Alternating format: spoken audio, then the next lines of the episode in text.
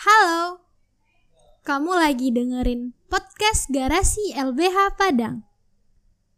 Dengan aku, dari anak muda peduli hutan. Kamu bisa dengerin podcast ini kapan aja dan di mana saja. Selamat menikmati.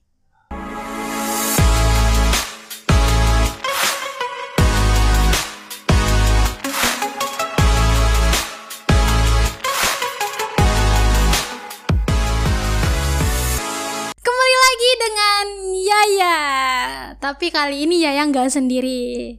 Kali ini Yaya ditemenin sama Kak Indira. Halo Kak. Halo Yaya. Jadi ya terlalu semangat ya karena ketemu kakak nih. Apa kabarnya nih kak? Uh, bahagia selalu lah Oh, kabarnya. amin, amin, amin, amin. Eh, kakak ya mau minta kakak buat nyapa teman-teman pendengar podcast eh, Gerasi LBH Padang dulu dong. Gimana sih nyapanya? Halo, halo, halo. Bebas kak gitu. Siapa tahu ada anak muda, ada orang tua, ada ya siapa pun yang dengerin podcast ini gitu. halo sobat LBH Padang, semoga masih betah ya di garasenya LBH Padang. Oh iya asik Harus betah Harus betah Kita jamin Kita akan bikin betah teman-teman pendengar. Ya kan kak? Nah. Ngeri jaminannya. ya. ya kali ini kita akan membahas nih kak Tentang hutan dan anak muda. Wih. Menurut kakak nih Hutan itu sepenting apa sih bagi kita? Gitu. Eh, mungkin karena saya bukan menikmati hidup di hutan, Ya jadi saya sangat melihat hutan itu sesuatu yang eh, bagikan permata ya. Iya Jadi dia begitu indah, begitu baik, begitu apa ya, sangat didamba-dambakan orang. Mm-mm. Karena saya nggak pernah tinggal di sekitar hutan, jadi saya tinggal di pantai begitu. Jadi saya sangat menambahkan tinggal di hutan. Saya kira kakak anak kota tadi Enggak anak pantai lah, Anak kota. Pariaman, Kota Mariam tetap di kota. tetap di kota. Jadi kenapa kita itu mesti jaga hutan kak? Kenapa tidak jaga pantai saja? Eh, sebenarnya kalau dekat pantai juga ada hutan kan. Hmm. Jadi sebenarnya kenapa kita jaga hutan? Karena memang itu bagian penting buat kehidupan kita ya, Hmm. kehidupan bumi ini. Eh, jadi bukan hanya hutan itu bukan penting untuk masyarakat adat Oh, aja, tapi untuk kita semua. Kalau nggak ada hutan lagi, kita nggak akan eh, terbebas dari krisis Hmm. iklim. Kalau nggak ada hutan lagi, kita akan kesulitan ya untuk menghirup oksigen. Kan nggak mungkin kalau kita bayar oksigen ya mahal ya. Iya, mahal. Hmm, kalau kita covid aja itu orang bisa mati loh gara-gara nggak ada oksigen. Iya benar benar benar. Nah terus nggak mungkin juga kan kalau kita hidup tanpa hutan ya, misalnya semua oh, pohonnya ditebangin itu nggak mungkin. Kita akan kehilangan banyak hal, kehilangan tumbuhan, kehilangan satwa gitu, kehilangan ekosistem yang hidup di situ. Dan pastinya kita akan kehilangan masa depan kita sebagai seorang makhluk bumi begitu. Iya benar kak. Tapi kak, eh, ya heran nih kak. Kalau kita lihat kota nggak ada hutan tuh kak, nggak ada hutan ya tetap bisa nafas kitanya. Iya makanya kan kan hutan hutan yang lain yang mentransfer oksigennya ke sini kan. oh iya. Tapi coba di kota ya, Mm-mm. hujan satu jam banjir kan Iya, karena nggak ada banget. hutannya. Iya karena nggak ada hutannya ya. Iya benar-benar sih benar sih banjir mulu nih. Banjir mulu karena dibetonin mulu ya. Iya. Mestinya ditanamin, ditanamin bukan dibetonin. ditanamin pohon. Jadi kak, kalau misalkan eh, berarti kalau di hutan itu satu pohon itu penting tuh kak. Penting dong, karena apalagi kan pohon itu banyak eh, manfaat ya. Mhm. Kalau orang lain tuh ngingat pohon kan gimana bisa dijual jadi uang. Tapi kalau nilai nilai sebuah pohon itu ngeri banget ya. Jadi bagi kita misal orang yang ingin berpikir dari sistem iklim ya, Mm-hmm. dari isu iklim, pohon itu adalah penyerap karbon dioksida ya. Mm-hmm. Eh, racun yang kita buang begitu ya, merusak bumi begitu. Dia nyerap si karbon dioksida lalu dia ganti dengan sesuatu yang baik dengan oksigen gitu. Jadi kalau nggak ada pohon atau pohonnya ditumbangin itu karbon yang dia serap sama si pohon itu di akar, di batangnya, di daunnya itu kes- kebuang kembali gitu. Hmm, iya, Nah, lalu iya, iya, kemudian iya. pohon juga kemudian bisa menyelamatkan kita dari bencana ya, banjir dan erosi begitu. Iya, benar, kenapa benar, kita sering benar, banjir? Kenapa sering banjir bandang atau longsor? Karena kita nggak sayang sama pohon. Iya. Nah, begitu pohon melindungi kita ya, eh, tidak hanya memberikan udara gratis buat kita, menyehatkan paru-paru kita dan kehidupan kita, tapi juga kemudian menyelamatkan kita dari bencana. Belum lagi nilai pohon untuk masyarakat adat ya. Jadi pohon dianggap suatu yang wajib dilindungi, disakralkan begitu, Eh, yang kemudian dia memberikan kehidupan ya. Karena kalau pohon itu dia kan juga menyimpan air.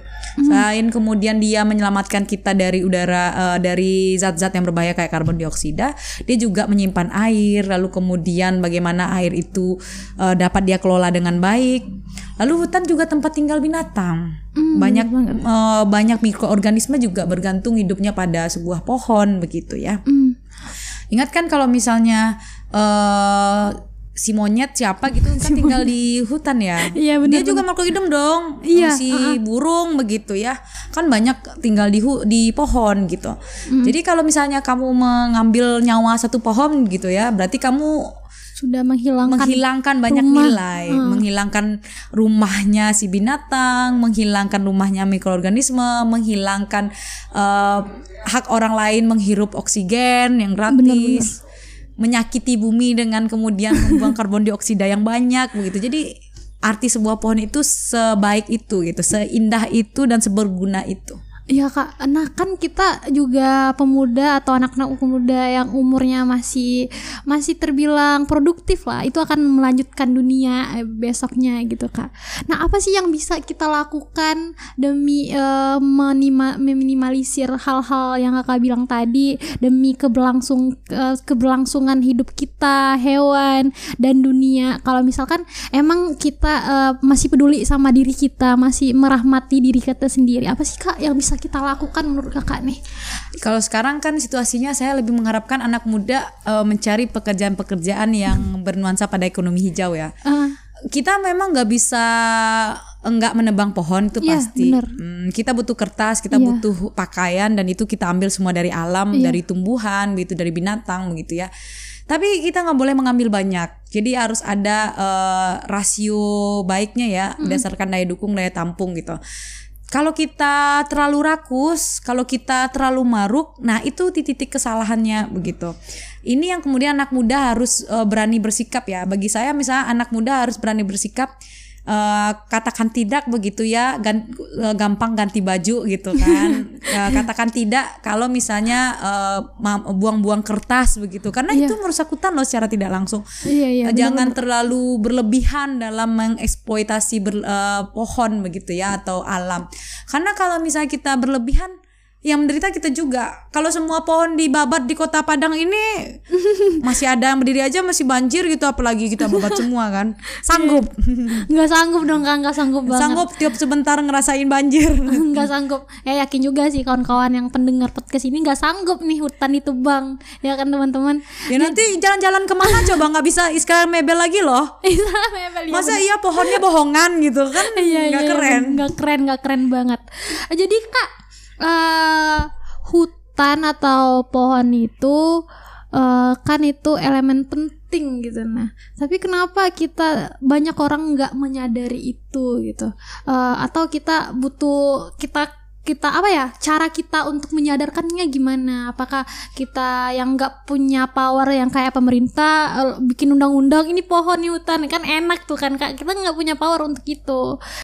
Halo, kamu lagi dengerin podcast Garasi LBH Padang.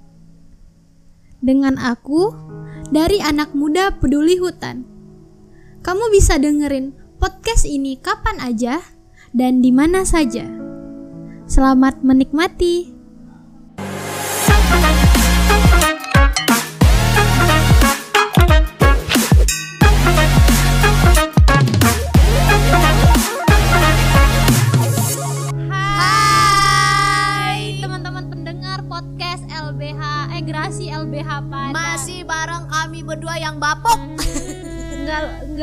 Kakak aja aku enggak aku nggak mau ya Oke.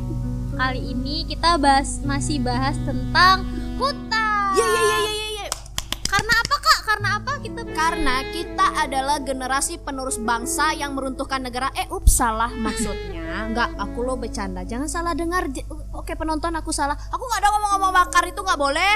enggak enggak bukan aku Maksudnya kita adalah anak muda yang menjadi garda untuk keberlangsungan kehidupan dunia. Iya, iya, benar benar benar. Aku nggak mau ya kayak novel yang aku baca tiba-tiba dua 23 tahun kemudian hutan udah nggak ada, malahan hutan diganti sama gedung-gedung tinggi. Aduh, tapi ngomong-ngomong itu Kak, kita Oke. kedatangan tamu hari ini jauh-jauh. Jauh pokoknya jauh. Di Mars. Jauh. Ya di Mars. Oke, Di Mars tuh di Jakarta namanya. oke. Kita panggil Bang Adri. Saya hai dulu Bang. hai hai hai. Bukan kamu. Abang. Hai Yaya dan Cupai, apa kabar? Hai. Teman-teman juga dong Bang pendengar eh, Oh iya, teman-teman semua, semoga dalam keadaan sehat. Amin. Gimana Bang perjalanan ja- dari Jakarta? Jaksel Bang? Anak jaksel, anak gaul ya, which is which is ya. Oh, wis liso ya. Enggak, enggak, enggak. Jadi Abang gimana nih perjalanannya dari Jakarta sampai ke Padang? Apakah cuaca di Jakarta sepanas Padang? Kalau panas sih lebih panas Jakarta ya, karena sesak kalau di sana. Di bandara udaranya tuh udah nggak enak. Kemudian langitnya juga abu-abu. Begitu mendarat di Padang, biru cerah. Sesak gimana Bang? Ada kenangan yang enggak Enggak terlepaskan? terlepaskan. Aduh, jangan dibahas deh, nggak enak. Tiba-tiba Menguak luka masa lalu. Semoga semoga tidak mendengar ya yang bisa. Jadi berarti pertandanya itu abang di Padang itu ada jodoh abang makanya biru tuh langit. Ngasih kode alam tuh bang. Bayangkan kakak kalau misalkan di Padang itu nyampe polusi udara yang kayak Jakarta itu nggak kebayang sih nggak ketemu seabang sama jodoh abang. Iya benar. Nah, kabar Ari, Ari siapa? si Ari pokoknya. Kabar Ari pokoknya Bang Adri ini dari Icel. Apa tuh kak? Apa tuh Icel bang? apa Aisel? Aisel. Aisel. Mungkin tanya aja langsung ya. Apakah itu Aisel? Apakah itu Aisel? Tanya peta. Oh. Lanjut. Jangan tanya peta, tanya aku aja.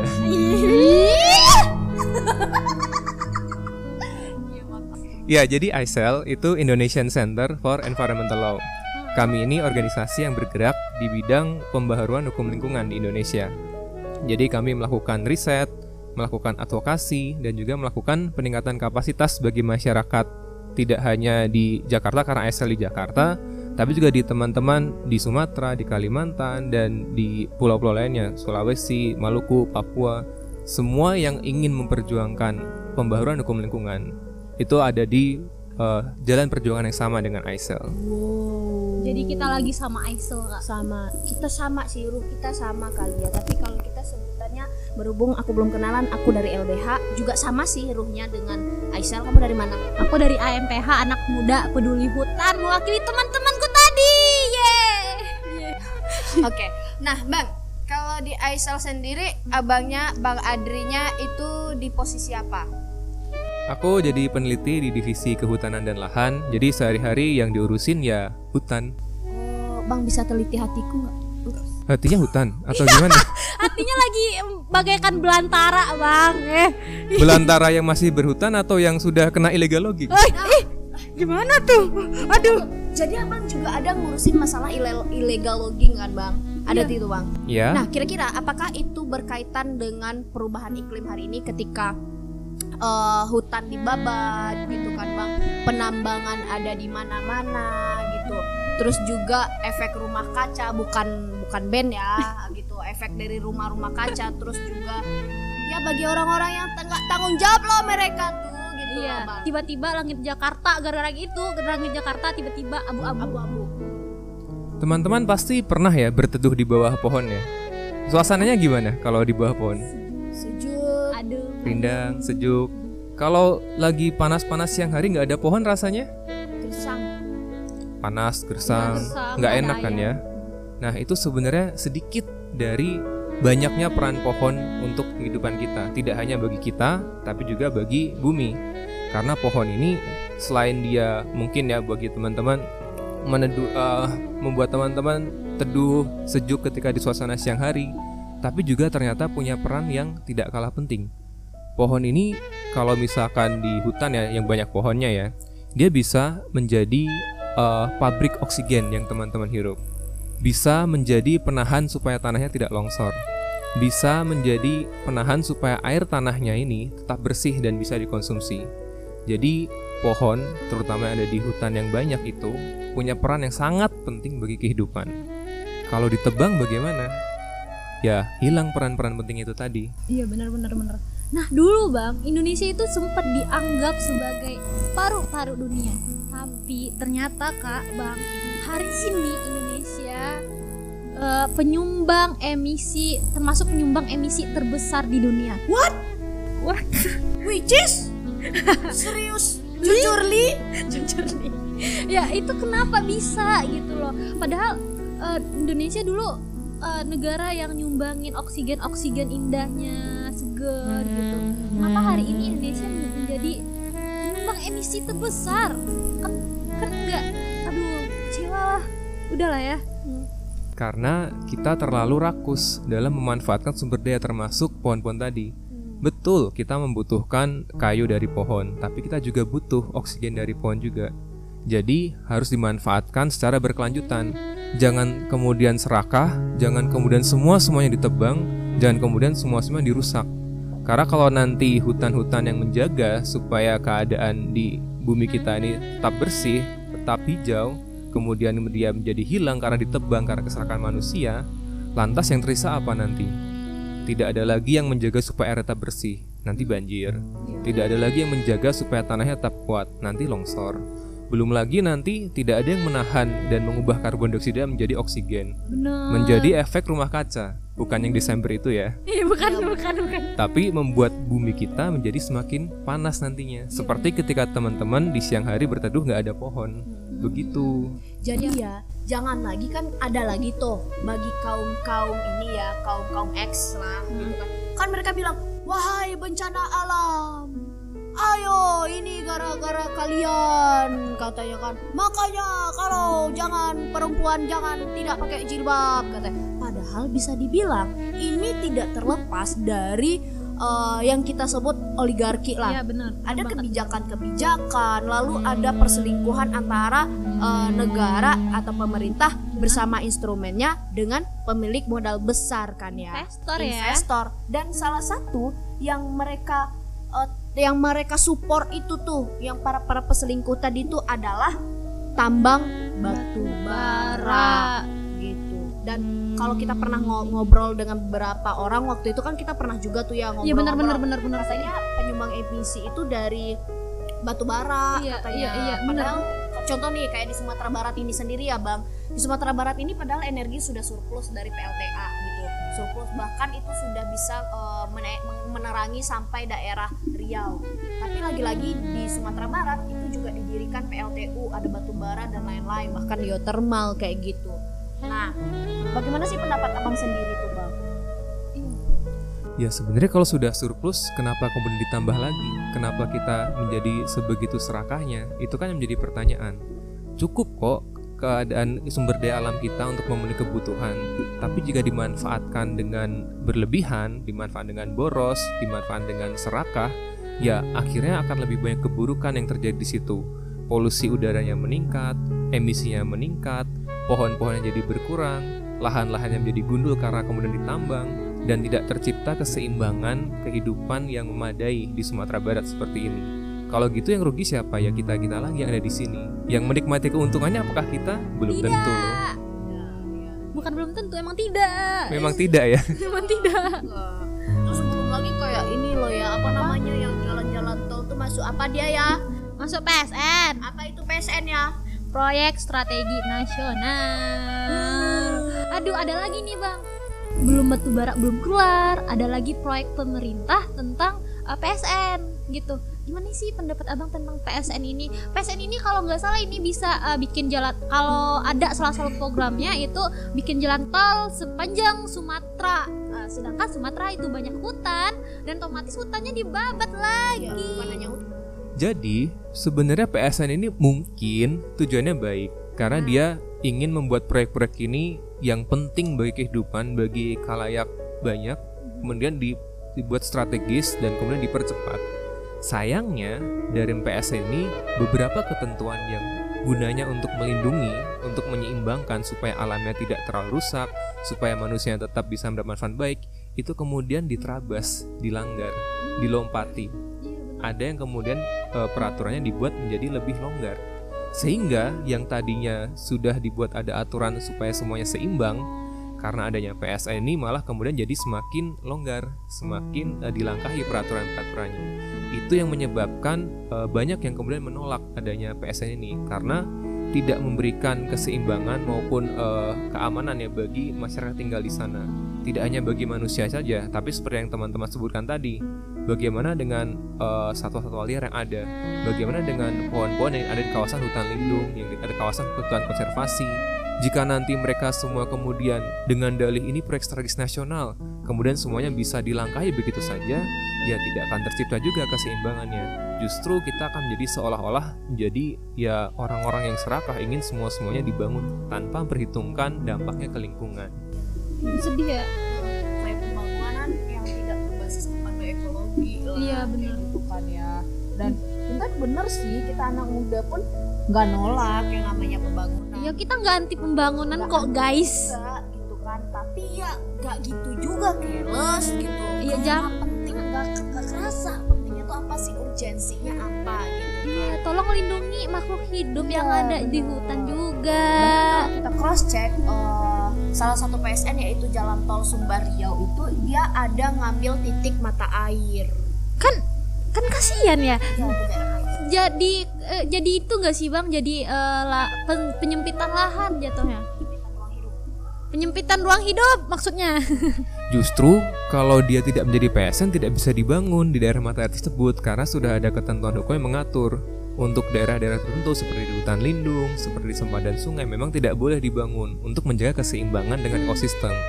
Ketika dia menjadi PSN, ya akhirnya menjadi boleh dilewati. Itulah yang kemudian banyak yang merasa kok PSN jadi seperti ini. Bukannya kemudian membuat pembangunan jadi lebih strategis, tapi justru banyak melangkahi peraturan-peraturan yang dibuat untuk melindungi lingkungannya. Jadi kak sebenarnya PSN ini tuh dulunya aman ya bang. Tiba-tiba ini melangkahi aturan-aturan. Seharusnya PSN ini nggak boleh mengganggu ruang hidup ya bang. Betul sekali. Harusnya. berarti Harusnya ini kak. berkaitan dengan kebijakan Hmm, benar. Iya. kita tahu ada eh, kebijakan-kebijakan yang benar-benar aur-auran gitu kan bang ya anggaplah inisial kebijakannya itu omnibus law Oh inisial ya, bukan nama asli ya? bukan ya nama asli ya itu dan itu tuh kan disahkan oleh DPR dan di PP kan juga kan bang kalau nggak salah oleh presiden dengan inisial Jokowi Inisial juga itu ya. inisial bukan sih Enggak enggak kak enggak. Ah, Aduh. tapi kan Jokowi kan gak nyebutin Widodo Udah lu sebutin. Aduh tolong lah ya. Oke, gimana nih bang? Karena waktu itu ada omnibus law yang eh ada cilaka yang untuk kemudian eh, segala hal itu harus ke nasional bahkan dia menghilang menghilangkan amdal gitu Iya. kan bang. Terus juga baru-baru ini kita terdengar masalah pemindahan ibu kota gitu kan bang. Nah itu bukankah apa ya kayak kebijakan publik sendiri itu nggak pernah pro rakyat, pro kemaslahatan hidup gitu bang. Malah memperkecil lagi gitu bang. Iya, jadi sebenarnya begini teman-teman. Mungkin Omnibus Law, Undang-Undang Cipta Kerja, mungkin memang tujuannya baik awalnya, menyederhanakan perizinan, membuat supaya birokrasi tidak berbelit-belit, dan kita pasti merasa, wah, saya senang nih kalau ternyata hasilnya seperti itu.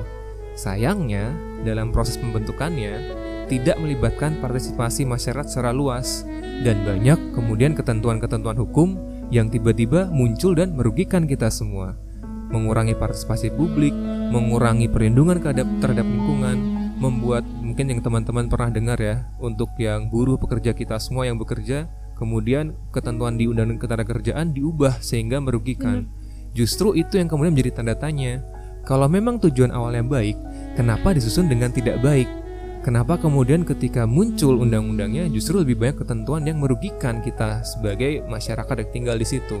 Nah, ini yang kemudian membuat kita kalau memang suatu barang tujuannya baik tapi tidak dilakukan dengan baik juga, ya hasilnya akan menjadi buruk seperti sekarang ini. Oke oke oke oke oke bang. Tapi ya sih ya kita tentu eh, nggak pula lah ingin bicara makar lah ya. Ya ya. makan jangan deh. Jangan. Aku pergi dari sini juga. Gak ikut tidak ya, ikut-ikutan. Bang. Nah, tapi kan memang kita sebenarnya bantu kerja negara sih Iya benernya iya. Tapi negara nggak bantu kita. Nggak bantu kita. Karena apa? Negara antah barantah itu selalu saja mengungkapkan keadilan bagi seluruh rakyat investor. sabar nggak apa-apa. Nah. Orang disabar disayang Tuhan. Tapi bang, kebijakan-kebijakan pemerintah hari ini tuh kayak apa memagerkan pemerintah dinas-dinas terkait gitu kayak eh, Memagerkan itu bagaimana? Kan apa? jadi jadi itu maksudnya tuh di, kan gini kalau eh, seg- segala perizinan itu ke kementerian nah jadi kami yang yang di provinsi itu nggak bisa lagi ngelapor ke dinas. Harus ke pe- pe- perizinannya terus ke kementerian dulu gitu. Sedangkan masalah masalah masalahnya itu ada di di provinsi ada di kabupaten atau kota. Kita tuh nggak bisa langsung lapor ke dinas. Mereka tuh nggak bisa ngambil kebijakan. Dan yang yang jahatnya kementerian itu memberi izin kepada investor bang. Itu masalahnya hari ini gitu loh. Yang bikin perubahan iklim signifikan, Bang. iya ya padahal ya katanya undang-undang cipta kerja ini tuh untuk untuk kebaikan kita semua untuk mempermudah mempermudah segala administrasi. Tapi eh, tapi ya kita masyarakatnya jadi ribet ngelapornya ke sana dulu. Tapi nggak diain pak menterinya itu sulit juga untuk ditemui gitu loh. Alurnya panjang kita ngelapor. Iya, jadi tadi kan dibilang ya katanya Undang-Undang Cipta Kerja akan menyederhanakan perizinan, Iya. Akan mempermudah birokrasi. Hmm, Tapi kok setelah muncul undang-undangnya dan peraturan turunannya kok jadi semakin ribet malahan? kita- Tidak sesuai kan dengan tujuan awalnya. Dan memang ketika kita melihat dalam ketentuan yang ada di dalamnya, beberapa ketentuan memang akhirnya cenderung ke arah sentralisasi sehingga semua-semuanya akhirnya diurus ke pusat. Terus bagaimana dengan daerah? Apakah selama ini kemudian daerah hanya diambil sumber daya saja kemudian digunakan untuk kemanfaatan pusat saja atau bagaimana? Karena itu tadi, jika memang mungkin tujuannya dibuat dengan baik tapi dilaksanakan dengan tidak baik, ya hasilnya seperti yang sekarang ini. Semua orang pusing kok undang-undang semuanya berubah sekarang. Semua orang pusing kok birokrasi yang makin berbelit-belit sekarang. Akhirnya ya yang rugi siapa? Kita-kita lagi iya, akhirnya. kita lagi yang masih ngirup masih mau ngirup udara segar ini bang dan belum pusing mikirin negara mikirin Hmm. ayam juga Iya, mana ayang nggak suruh makan lagi nih, Iya. nggak makan-makan. kan kan nggak mungkin kita eh, udah nggak punya ayam udah nggak punya pohon untuk berteduh kan kasihan banget ya anak muda ya Dirugikan undang cipta kerja lagi. Lengkap sudah penderitaannya. Lengkap. aduh kayak lontong dimakan pagi-pagi pakai telur komplit pokoknya dah komplit aduh Atau lontongnya tuh nggak digoreng. Emang nggak digoreng Emang lontong digoreng? Enggak. emang Padahal aku mau nyindir ibu sih tadi ibu yang oh iya lalat lupa. oh iya iya iya Ya udah iya, deh, iya. lanjut dah. merebus merebus lanjut, lanjut Ana jadi bang terakhir aku sebagai anak muda bagaimana baiknya kita sebagai anak muda atau kami sebagai anak muda itu harusnya menyikapi eh, tentang lingkungan itu toh kebijakan tetap ada di pemerintah toh kebijakan yang dibikin eh, pas kita tidur itu diketuk gitu. Kita bisa apa anak muda ini? Kebijakan tetap kita nggak bisa tuh ngambil kebijakan. Udah demo udah turun sana sini udah bikin bikin poster udah bikin bikin apa ya? Eh, kayak Bikin berantem sama ayang juga gara-gara turun ke jalan. iya udah bikin pokoknya segala lini udah kita kita bikin gitu kayak di media kayak di jalan udah semuanya. Tapi kita nggak tetap nggak bisa ngambil kebijakan. Kebijakan tetap di pemerintah itu gimana? Kita anak muda. Ya memang kalau misalkan kita mencoba kritis ya dan mencoba belajar, banyak memang kebijakan yang akhirnya eh, justru malah merugikan kita. Tidak hanya kebijakan-kebijakan yang seperti tadi ya di sektor lingkungan hidup, di sektor kehutanan, sampai ke tenaga kerja. Ketika ada undang cipta kerja, akhirnya malah banyak yang merugikan kita sendiri. Lalu kita bisa apa sebenarnya? Apakah kita bisa mengubah keadaan? Bisa, meskipun mungkin butuh waktu. Teman-teman yang ingin mengubah keadaan perlu untuk terus belajar, perlu untuk terus melihat dan kritis dengan keadaan negara ini, perlu untuk melihat apa sih kira-kira eh, tindakan yang bisa aku lakukan. Apakah kemudian bekerja sektor publik? Tentu bisa. Apakah kemudian berusaha mengajak teman-teman yang lain untuk ayo dong kita peduli dengan hutan, dengan keadaan pemerintahan, itu juga bisa. Tapi yang paling penting adalah teman-teman terus belajar, terus mengembangkan kapasitas teman-teman karena suatu ketika nanti ada waktunya teman-teman akan menggantikan mereka-mereka yang sekarang duduk di kursi pemerintahan. Jika sudah waktunya, jangan sampai teman-teman mengulang kesalahan yang sama. yang dulu ikut demo seperti teman-teman ketika sudah duduk nyaman bagaimana akhirnya? Ketika dulu ikut memperjuangkan nasib rakyat nasib lingkungan hidup ketika sudah nyaman ya akhirnya hilang suaranya. Jangan sampai teman-teman berubah seperti itu juga. Tetap eh, ibaratnya kalian tetap, tetap tetap teguh di jalan perjuangan masing-masing tetap belajar dengan baik tetap kritis dengan keadaan negara dan jangan lupa ajak teman-teman yang lain juga. Jangan sampai teman-teman yang lain yang kemudian ah ini nggak ikutan demo nggak seru. Jangan seperti itu. Justru kita berikan pemahaman bahwa ini semua itu bukan karena saya ingin eh, ribut bukan saya ingin cari rusuh atau sampai makar gitu kan. Kalau makar aku pergi dari podcast. Tapi justru karena aku peduli dengan keadaan negara. Justru karena aku peduli dengan keadaan lingkungan. Justru karena aku peduli dengan keadaan keluargaku dan teman-temanku sehingga aku memilih jalan seperti ini itu yang perlu disampaikan ke teman-teman yang lain juga. Jadi kita harus merangkul sebanyak-banyaknya kekuatan anak muda terutama. Kita rangkul sebanyak-banyaknya kekuatan orang-orang yang mungkin apatis dengan keadaan sekarang supaya nantinya ketika yang tersadar semakin banyak akan ada waktunya nanti teman-teman bisa mengubah keadaan. Dan ketika saat itu sudah tiba tentu teman-teman jangan lupa tetap teguh di jalan yang sudah teman-teman pilih ini. Begitu Yes, bener banget sih. Bahwasanya aku jadi ingat satu kutipan yang bilang kamu nggak harus jadi aktivis kamu nggak harus jadi intelektual kamu Betul nggak sekali. harus jadi pengkaji apa pun itu gitu. Ketika kamu punya keresahan dan kamu ingin menyuarakan kebenaran ya suarakan gitu. Kamu nggak harus jadi apa pun sebenarnya nggak Siapa pun harus bisa apa pun. menyuarakan. bener banget bang. Wow wow wow wow wow. Wow oke oke. Kita sudah sampai di penghujung kawan-kawan di garasi podcast LBH Padang. Jangan lupa untuk follow dan subscribe ya. Dan jangan lupa juga untuk di share begitu. Oke Semoga beta. yeah terima kasih bang Adri. Bye-bye. bye bye terima kasih juga Yaya dan Cupai. Tepuk tangan dulu yang paling meriah